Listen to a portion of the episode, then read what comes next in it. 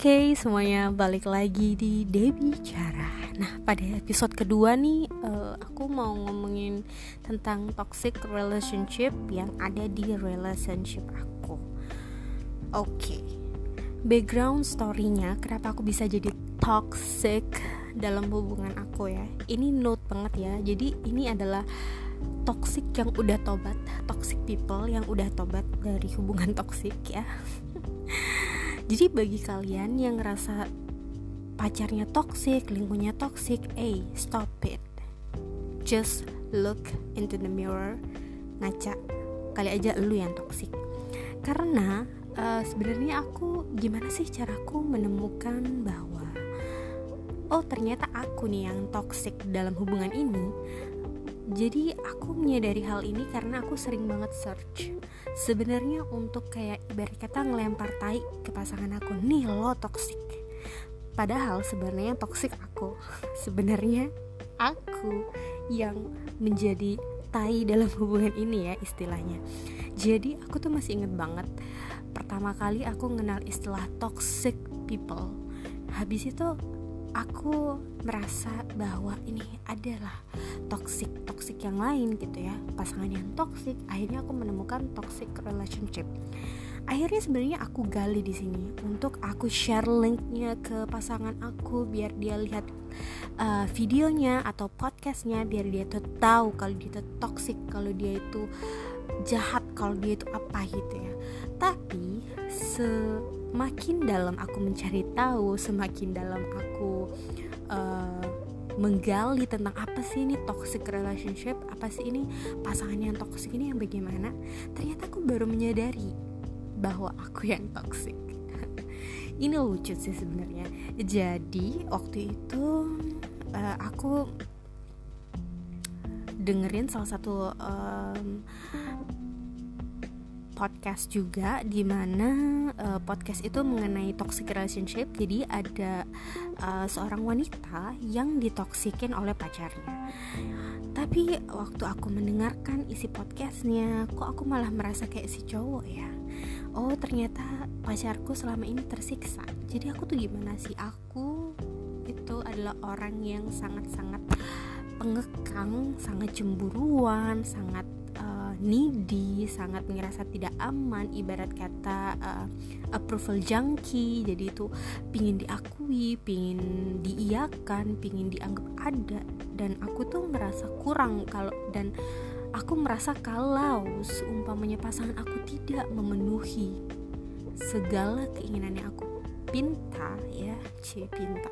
Segala keinginannya aku mau, aku bakalan marah, ngamuk, menganggap dia nggak suka, ngajak putus dan sebagainya.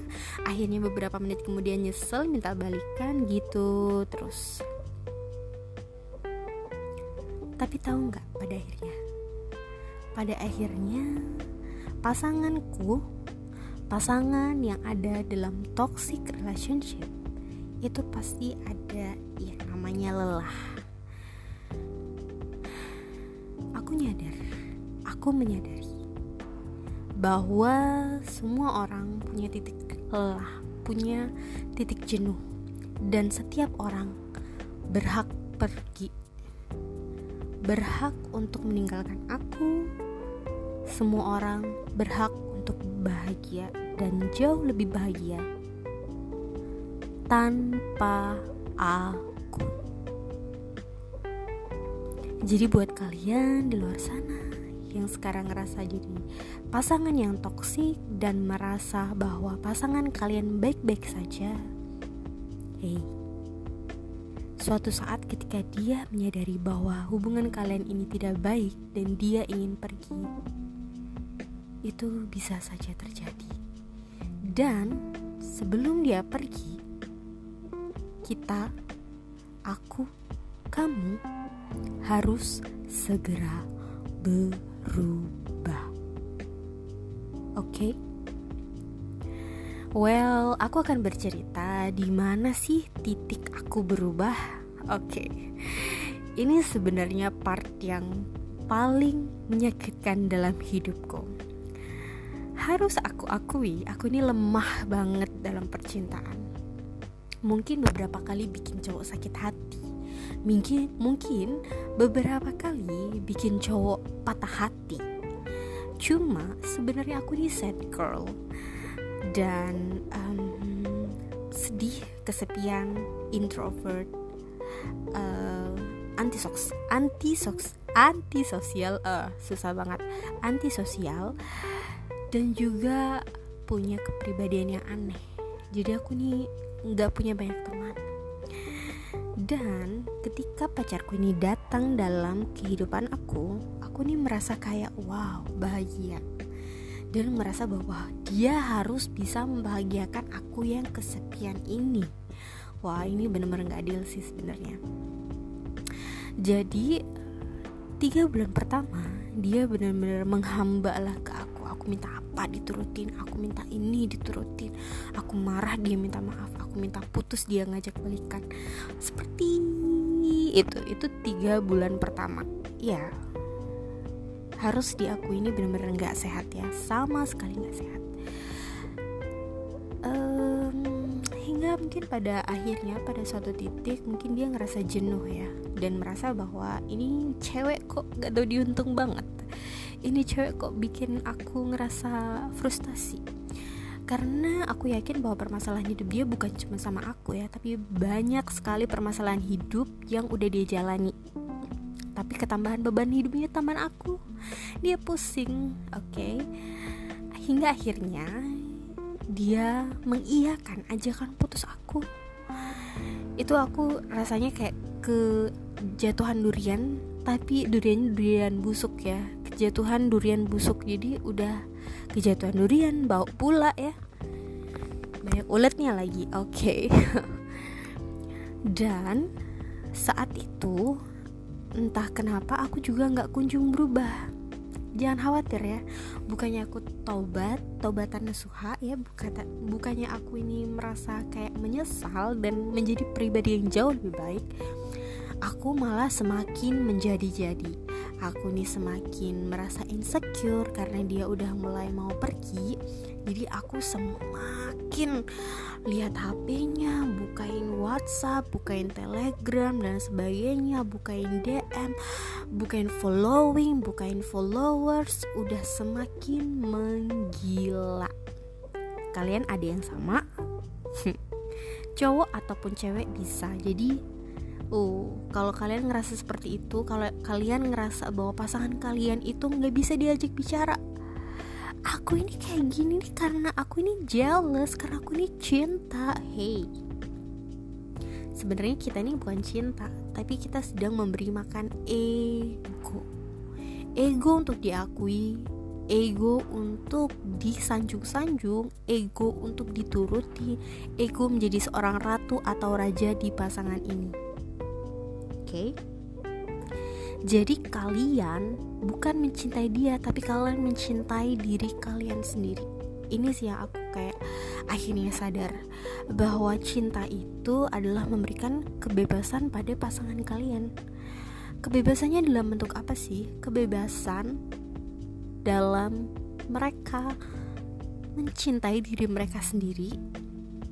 Kebebasan buat mereka hidup dalam kehidupan yang sama persis sebelum ada kamu ataupun sesudah ada kamu. Jadi jangan biarkan game membuat kalian berantem. Jangan biarkan pergaulannya membuat kalian berantem. Jangan membuat orang tua atau keluarganya membuat kalian berantem. Karena ini pengalaman aku sih ya. Aku berantem karena hal-hal itu. Karena game, karena teman, karena keluarga Sedangkan kehidupan-kehidupan itu sudah ada jauh sebelum aku ada dalam kehidupannya dia. Well, pada akhirnya aku berubah nggak? Iya, berubah setelah diancam putus. Untuk yang kesekian kalinya, tidak kunjung kapok juga aku ketika berantem minta putus lagi. Oke. Okay? Semakin hari ya aku semakin insecure. Semakin membuat keputusan yang gila semakin menjadi orang yang menggila sampai pada suatu titik ketika dia nggak nurutin apa permintaanku aku nih sampai mukul-mukul kepala. Sampai yang gue nggak ngerti lagi nih harus gimana lagi. Sampai pada posisi seperti itu. Sampai aku konseling ke psikolog sampai aku konseling ke psikiater. Walaupun sudah diresepkan obat tapi aku nggak beli sih ya karena takut kecanduan oke? Okay? tapi seenggaknya aku udah cerita ke ahli.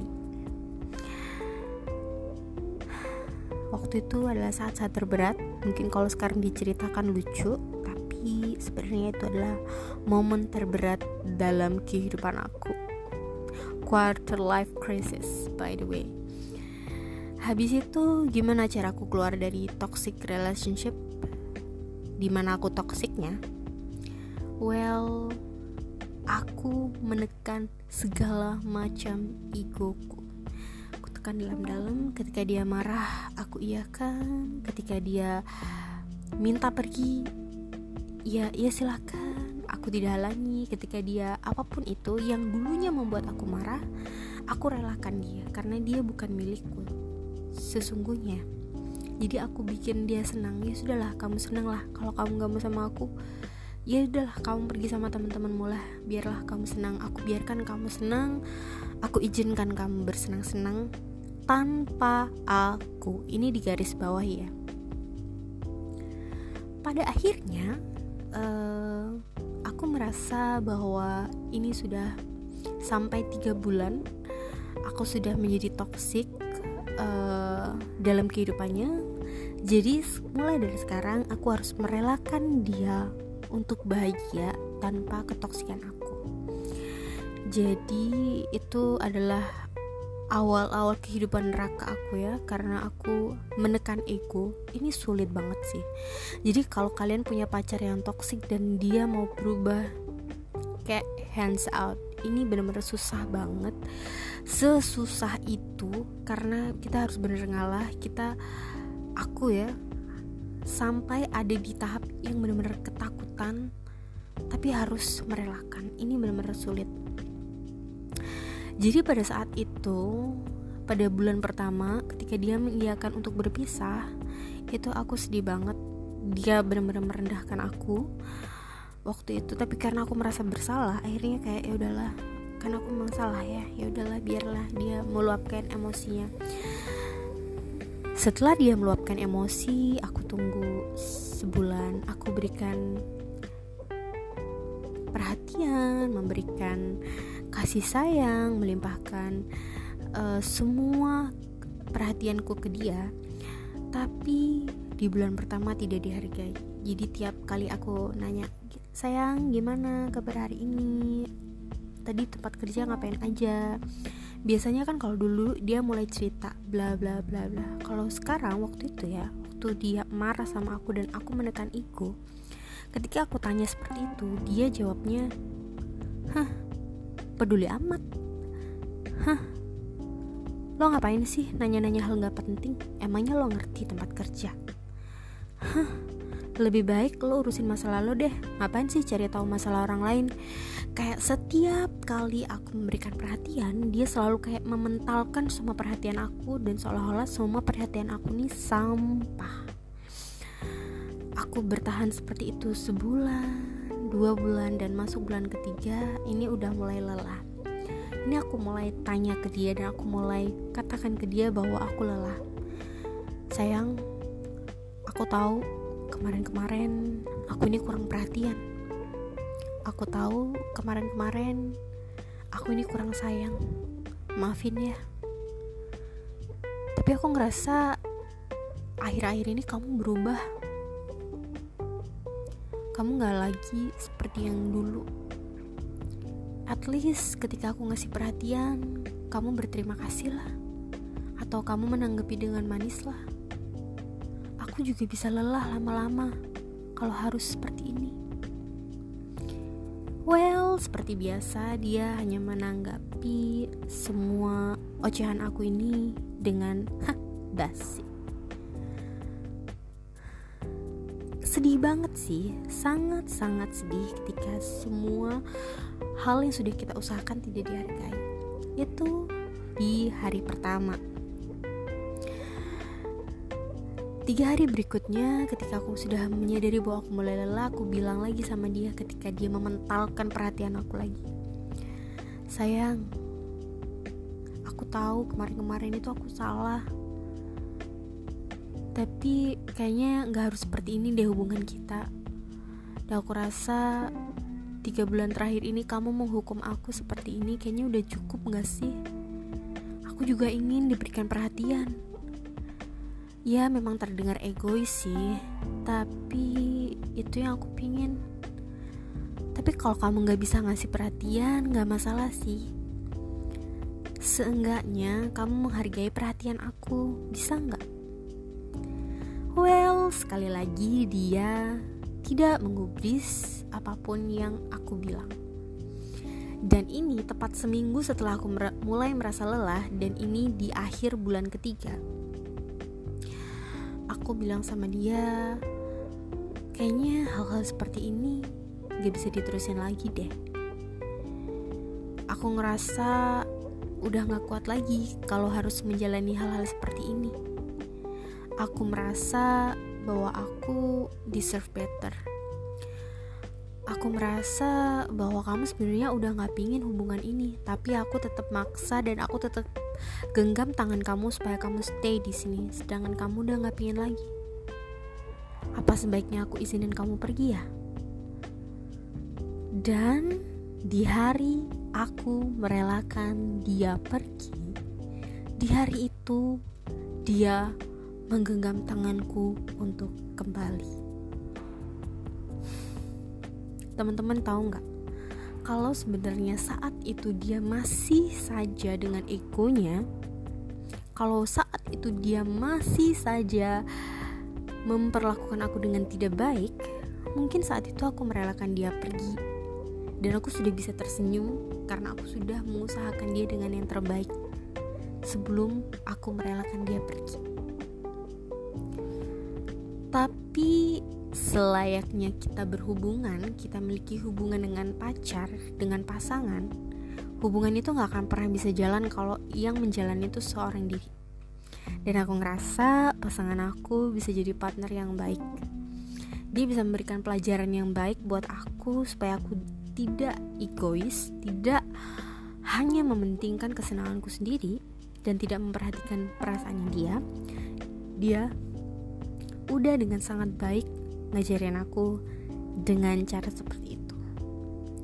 Dan aku berterima kasih untuk dia tidak merelakan aku pergi dan genggam tangan aku kembali saat aku sudah benar-benar siap untuk kembali. Dan sekarang kehidupan kami nih benar-benar bahagia.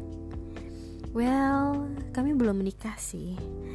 Tapi setidaknya hubungan kami sehat dan jauh jauh jauh jauh lebih sehat daripada awal hubungan kami dulu. Yang aku bahagia juga tapi dia tertekan. Dan aku merasa sekarang dia juga bahagia aku bahagia.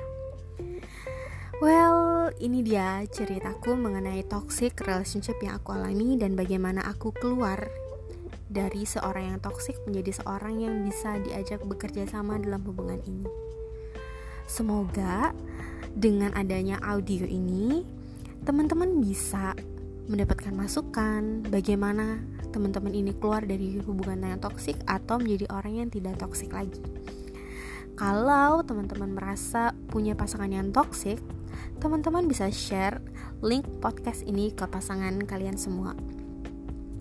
Akhir kata, semoga podcast podcast ini bisa membantu dan semoga hubungan teman-teman semua di sana bisa segera membaik. Terima kasih ya udah mendengarkan podcast ini. Selamat malam.